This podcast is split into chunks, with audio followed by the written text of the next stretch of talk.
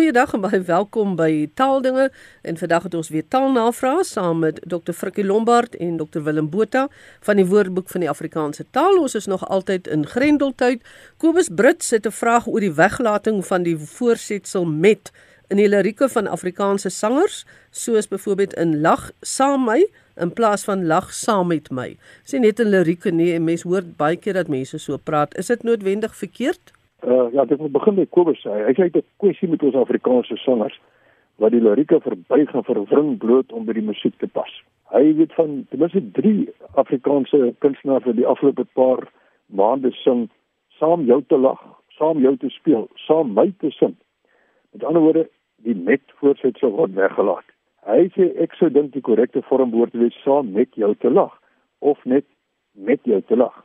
Hy sê vir hom klink hierdie gebruik van Afrikaans 'n bietjie eenvoudig.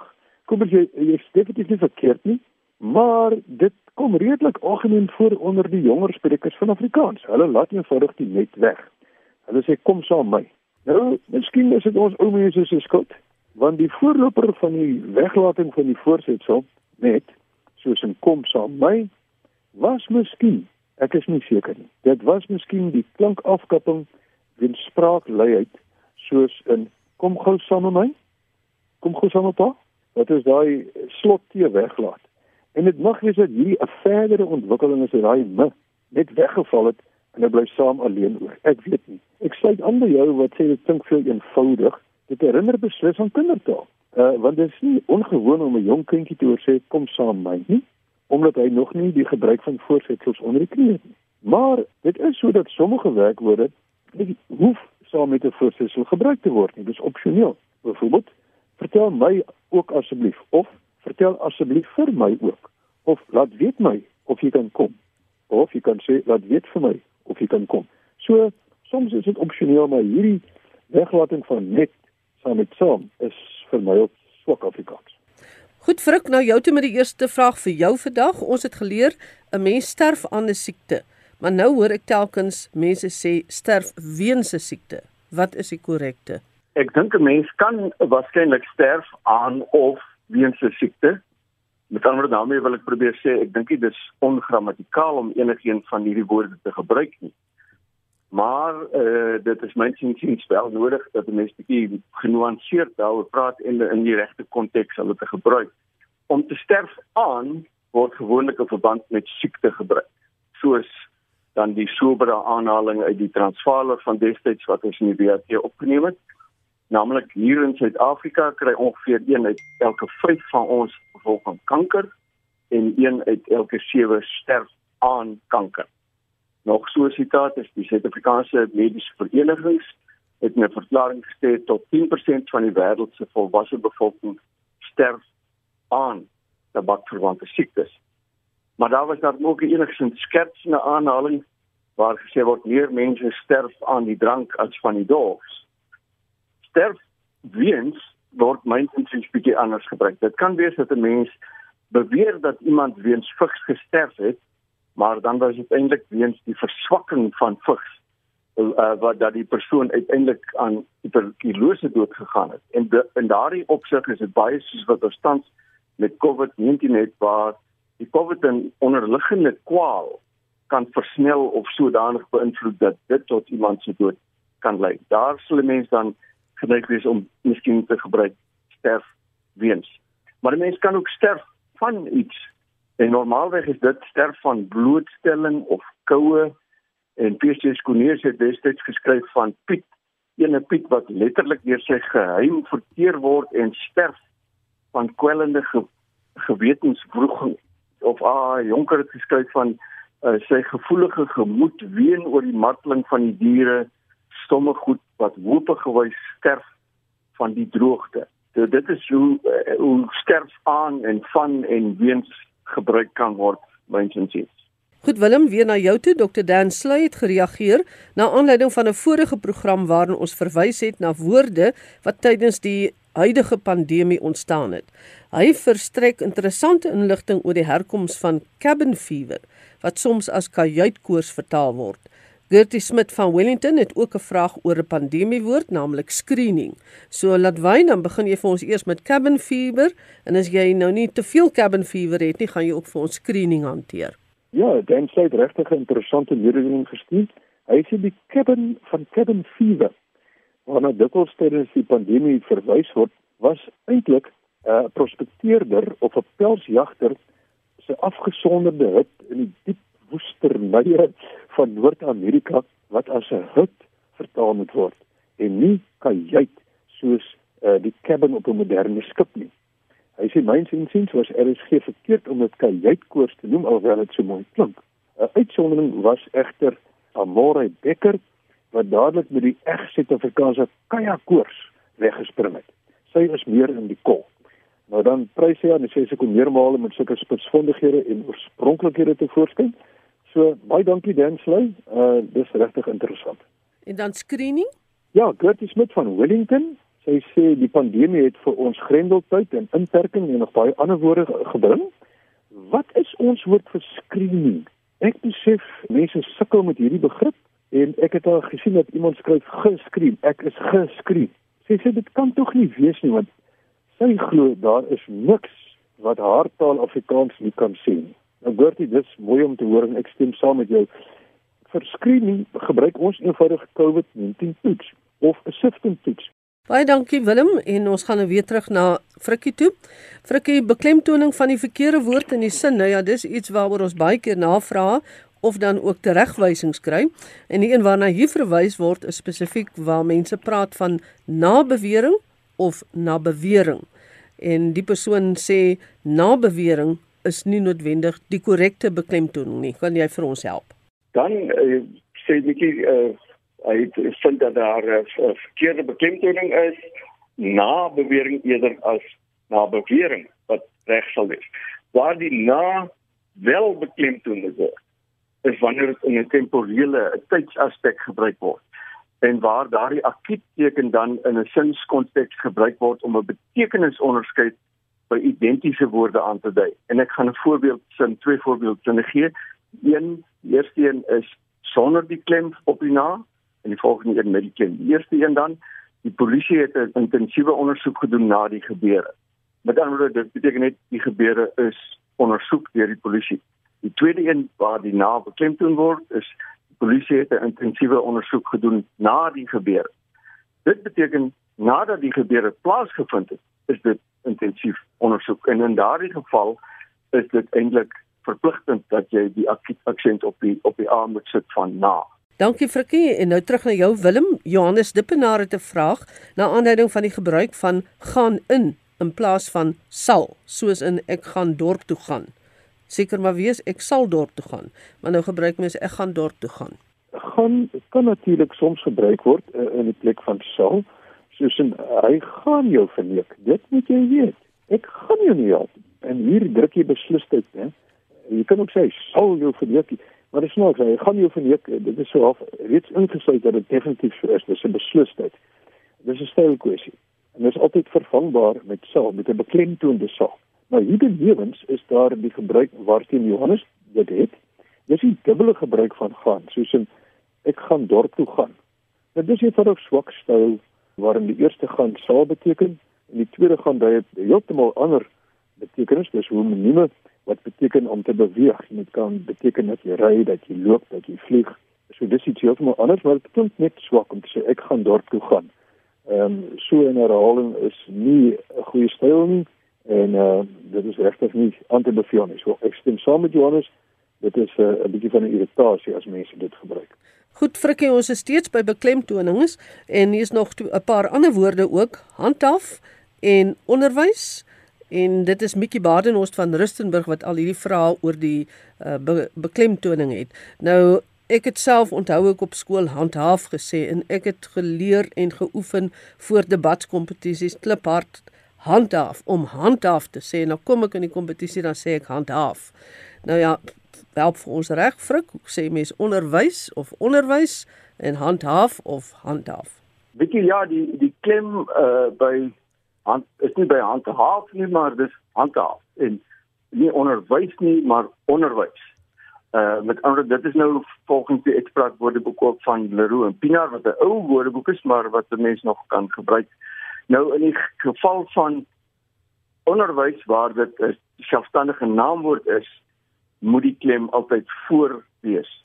Maar ons kan ook daardie woord werkwoordelik gebruik en dan moet die klem agter geplaas word. Ek lees die volgende sin dan sien jy sien hoe dit werk. Die opvoeding van die kind kan nie plaasvind as hy nie ook onderwys word nie. Met ander woorde, daar kan jy nie sê as hy ook onderwys word. Maar daar is die klem in daardie geval dan wel agter. Ek het net gesê oor onderwys. Ons het in 'n vorige program al daaroor gepraat, 'n hele rukkie terug waar ons gesê het, ehm um, dit kan onderwys of onderwys wees. Omdat ja. so baie mense van onderwys al praat. Dis hulle streektaal. Ja daar daar is 'n daar is 'n uh, verskywing van klem wat besig is om plaas te vind. Uh, dit is so. Maar ek praat nou maar nog van die skoolse manier as dit waar jy weet waar jy geleer het, okay, as dit die sub, uh, substantief is, dis as dan genoem word, dan die klem voor, as dit die werkwoord is, dan sy normaalweg agter. Met ander woorde, dis nie noodwendig verkeerd as ons nou praat van onderwys nie. Ek dink in die dag en tyd waarin ons leef, is dit uh, hoor mense mense so praat, laat ek so sê. Willem die meeste mense met wie 'n onderhoud oor die radio gevoer word, hulle sê dit begin deesdae met die woorde so ek en eindig gewoonlik met so ja. En dit pla vir Jan Hugo. So as ek nou byvoorbeeld sê so ek wil nou net hê ons moet die tale program agter die rug kry. Daai so. Dit pla nou verduidelik of dit 'n betekenis het of 'n doel dien. Ja, kyk, dit pla my ook. Nie dit ek het tel nie maar tog dit, dit, dit is ek dink baie mense vind dit irriterend maar nog meer mense gebruik dit en dit is totaal sinloos weet die feit dat ons nooit van tevore so gepraat het nie wys dit is nou maar net 'n mode en en en dit is sonder werklike betekenis en al wat ek kan sê is dis 'n modeverskynsel en ons kan net hoop dit verdwyn weer soos dit gekom het maar wees verseker daar sal iets niets kom wat ons almal irriteer of bykans almal van ons jy kry selfs mense wat teen so iets praat en dan gebruik hulle dit meer dan haarself so Die metaal is soos water. Dit loop waar dit wil. Dit volg die weg vir die minste weerstand.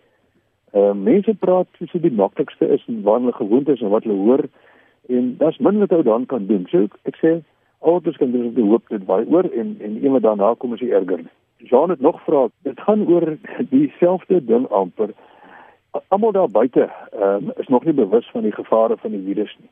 Almal daar buite in plaas van uh, die publiek of die ander mense of die meeste mense. En uh, dit is 'n absolute direkte vertaling. Is natuurlik uh, figuurlik bedoel. Mense dan en ons nou nie in die, in die, in die ingeperkte tyd so almal is binne, maar dit beteken almal waar hulle ook al binne is ook. Maar dis 'n direkte vertaling van die Engels the people out there.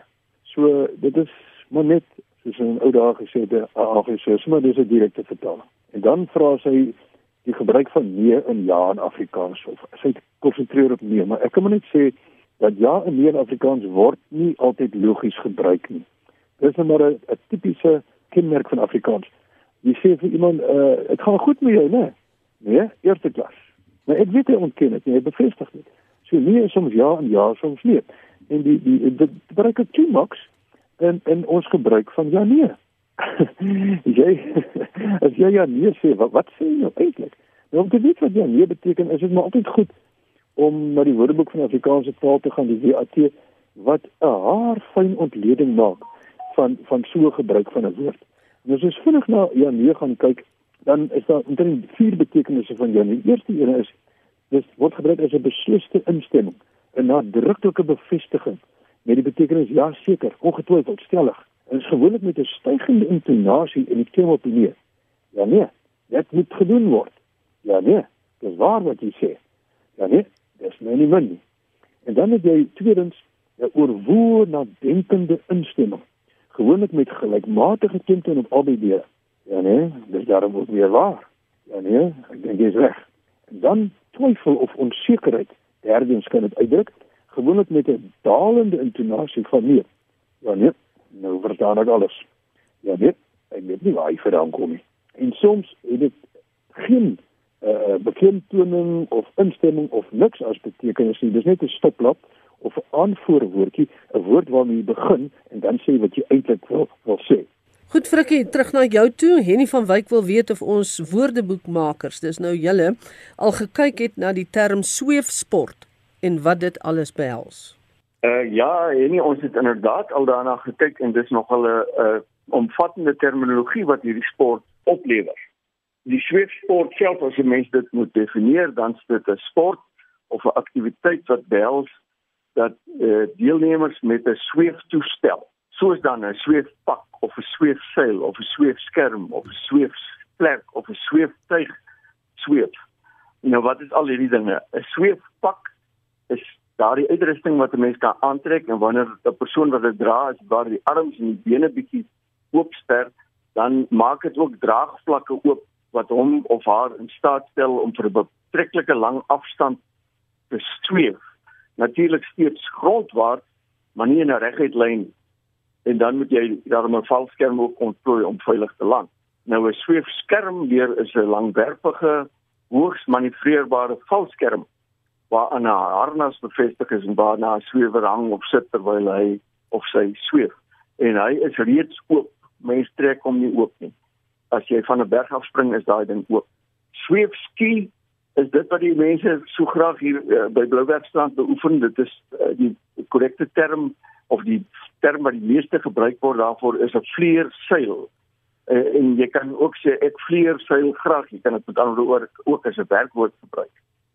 Nou 'n sweeftuig ken ons tradisioneel as 'n toestel, 'n vliegtuig sonder 'n engine as dit ware, maar so ontwerp met sulke lang vlerke en so ligte gewig dat dit met behulp van opwaartse lugstromings hoogte kan wen en so sodoende ver afstande kan aflê deur te sweef.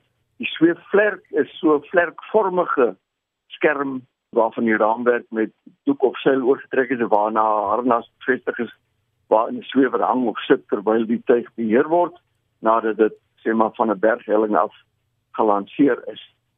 En dan die laaste tipe ding is 'n sweefseil.